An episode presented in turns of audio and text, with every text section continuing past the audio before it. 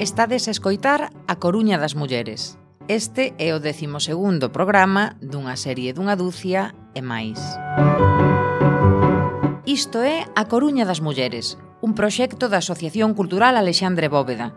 Aquí atoparedes a historia da inventora do libro electrónico, da primeira enfermeira en misión internacional, da primeira muller que dirixe un xornal no Estado español, Mais, sobre todo, atoparedes historias colectivas, das mestras represariadas, das cigarreiras e as súas folgas xa a mediados do século XIX ou das lavandeiras.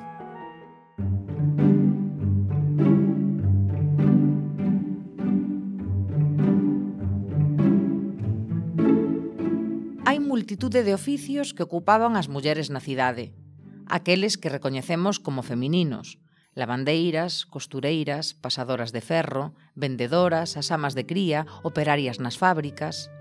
Mais existen outros traballos realizados por mulleres en longas xornadas, moitos deles que requirían forza e sempre mal pagados.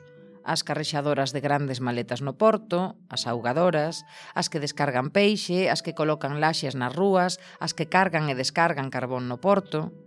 Imos dedicar o programa de hoxe a falar de El progreso femenino, de como os traballos e os cuidados das mulleres axudan a progresar. Ben, non exactamente. El progreso femenino é o nome dunha sociedade creada en novembro de 1910. Chamábase así, El Progreso Femenino, Sociedade de Cargadoras e Descargadoras de Carbones, Sales e Minerales da Coruña, continuadora de La Libertad en el Trabajo e que agrupaba as mulleres que carrexaban, cargaban e descargaban compaxes e cestos polo Porto Coruñés. Os traballos realizados por mulleres no porto da Coruña eran oficios duros, dos que requiren moita forza. Cada unha destas pobres mujeres, decía ayer en los muelles un ilustrado facultativo que de todo esto tiene razón para estar enterado, puede decirse que acarrea cada día de 4 a 5 toneladas de carga. Es faena de veras ruda la suya. Contaba así La Voz de Galicia o 24 de novembro de 1906. Traballos de extrema dureza e mal pagados, mas tamén en ocasións as mulleres estaban expostas a enfrontamentos cos homes porque eran traballos que reclamaban eles como propios. Como de costume naquela época, aínda que agora tamén o padecemos, as mulleres cobraban menos que os homes, e por iso foron vistas por eles como unha ameaza.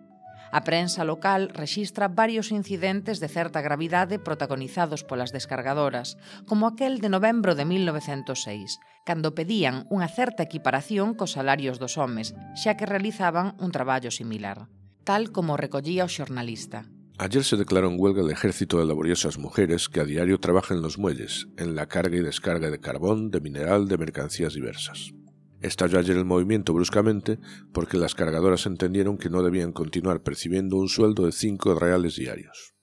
Los hombres empleados en faenas análogas perciben cuatro pesetas después del último aumento, y parece existir en esto algo de desigualdad que procede desvanecer equitativamente. No piden ellas que los sueldos se mistifiquen. Prudentes con el sexo opuesto, se limitan a desear que se las equipare en forma prudencial reclamaron dos pesetas de jornal diario y como no se las concedieron a todas, acordaron unánime suspender el trabajo. Persuadidas tal vez de ello, las interesadas abandonaron el alijo de minerales y de sal, así como la carga del carbón tan indispensable para el suministro de los buques atracados a los muelles. Algunos patrones, antes de que el conflicto tomase incremento, se avinieron a concederles los 75 céntimos pedidos, pero surgió un caso de solidaridad especial. Los grupos de mujeres ya favorecidas con el alza del sueldo no se resignaron a que sus compañeras siguieran trabajando a menos precio, y en grupo tan crecido como resonante se dirigieron a ellas, interrumpiendo su penoso ajetreo. La voz de Galicia, 24 de novembro de 1906. Naquela ocasión non conseguiron equiparación, pero sí un considerable aumento que significou un importante triunfo das mulleres. Nestes enfrontamentos cos homes, elas, lonxe de se renderen, uníronse para formar esta sociedade de resistencia que foi el progreso femenino, ca que pretendían alcanzar logros como as oito horas. Son capaces de enfrontarse aos conflitos con forza e determinación, mais tamén intentando a negociación pacífica noutras ocasións con data de 15 de outubro de 1910, un grupo de 90 traballadoras escriben unha carta dirixida ao gobernador civil denunciando que de noite a visibilidade era prácticamente nula e o perigo de caer ao mar era moi grande e pídenlle que medie diante dos patróns. Que siendo demasiado excesivo y material el trabajo que a diario ejercen en las cargas a los vapores de pesca de dicho combustible, dándose el caso de estas desde las 7 de la mañana hasta las 12 y 1 de la noche la mayoría de los días y casi en su totalidad, A usted humildemente suplican se digne prestarnos su valiosa influencia para que los patronos del carbón, don Andrés Souto Ramos, don Dionisio Tejero, don Eduardo del Río y don Sisto Pedregal accediesen a nuestras reclamaciones, que las creemos justificadas. Reclamaban a supresión da quenda da noite, no solo por estar muy mal retribuido, sino por ser peligroso el pasar las planchas de los barcos con 60 o 70 kilogramos de peso a la cabeza después de haber trabajado nueve horas por el día. Continuaremos la carga o descarga a todos los barcos que se encuentren atracados al muelle antes de las cinco y media de la tarde. Contaremos las horas que llevan dichas faenas como horas extraordinarias y sin que éstas pasen de las siete de la noche. Escriben na mesma carta. O tempo que pregan xustiza saben tamén da necesidade de ameazar con accións contundentes se non son escoitadas. Como consideramos justas estas peticiones, nombramos a usted como primera autoridad de la provincia y con el respeto debido sea mediador en este asunto. Pues en caso negativo por parte de dichos patronos, nos veremos obligadas a apelar a todos los medios legales que estén a nuestro alcance para lograr lo que justamente reclamamos. A carta vai asinada por Rosario Fernández, Obdulia Prego, Carmen Canosa e Mercedes Vidal, en nome de 90 descargadoras de carbón. Xunto a este oficio de carga e descarga no porto, había tamén moitas mulleres que se dedicaban a facer recados. Eran as mandadeiras, un colectivo moi numeroso, maioritariamente feminino, que se dedicaba a facer mandados, recados, encargos nas casas particulares, nos comercios, nos hotéis ou no porto moitas casas tiñan a man unha mandadeira que pasaba de cando en vez por ali para ver se se precisaba facer algún recado, levar unha carta a correos, un paquete a outra casa ou tamén, desde os comercios, levar á casa as compras realizadas. Era un traballo que ás veces requiría moita forza, como era o realizado movendo maletas e grandes fardos desde as casas, os hotéis e as fondas até os barcos no porto. Estas traballadoras en moitas ocasións tiveron que facer fronte á vulneración dos seus dereitos por parte dos homes, que facían traballos semellantes e que as consideraban unhas intrusas. En xuño de 1919 crean o sindicato a Enerxía Social e grazas á forza da Unión enfrontanse o colectivo de hoteleiros e fondistas polas estafas e comisións ilegais que aplicaban os viaxeiros denunciando por medio de follas boandeiras esa situación. No se realiza con creces esa explotación por cuantos, obligados por la ley a tener a la vista las tarifas, retiranlas cuando hay barco a la vista.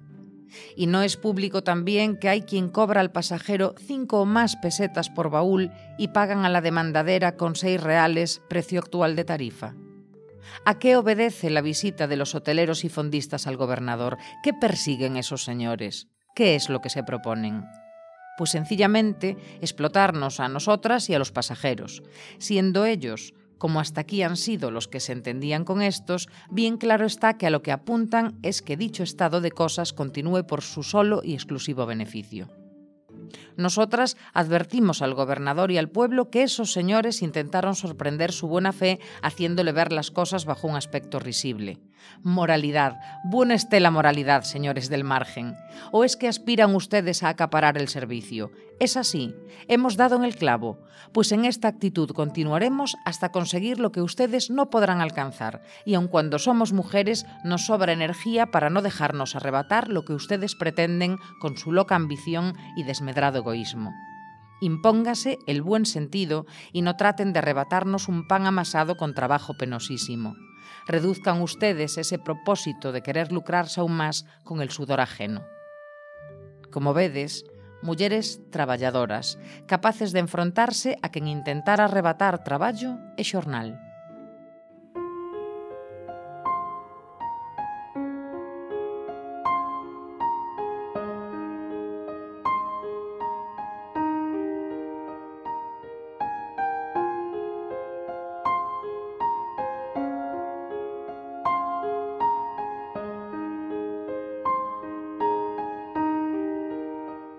Damos vos as grazas por acompañarnos en cada episodio da serie A Coruña das Mulleres, realizada grazas á colaboración do Concello da Coruña.